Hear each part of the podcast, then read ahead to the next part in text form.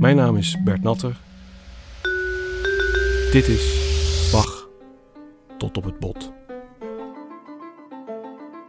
Hoe klonk de stilte van de wereld voor Bach? Was Bach een wonderkind of een doemdenker? Welke componist noemde het menselijk lichaam een jammer gat? Kun je auditie doen voor het Hemelorkest? Hoe klonken zingende engelen?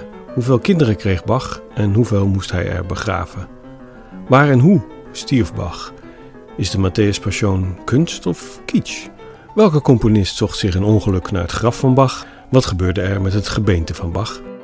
En is het wel Bach die onder een koperen plaat in de Thomaskirche in Leipzig rust?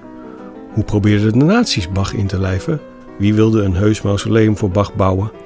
En wat heeft een vliegtuigwrak in de polder van Eemnes met Bach te maken? Luister naar Bach tot op het bot.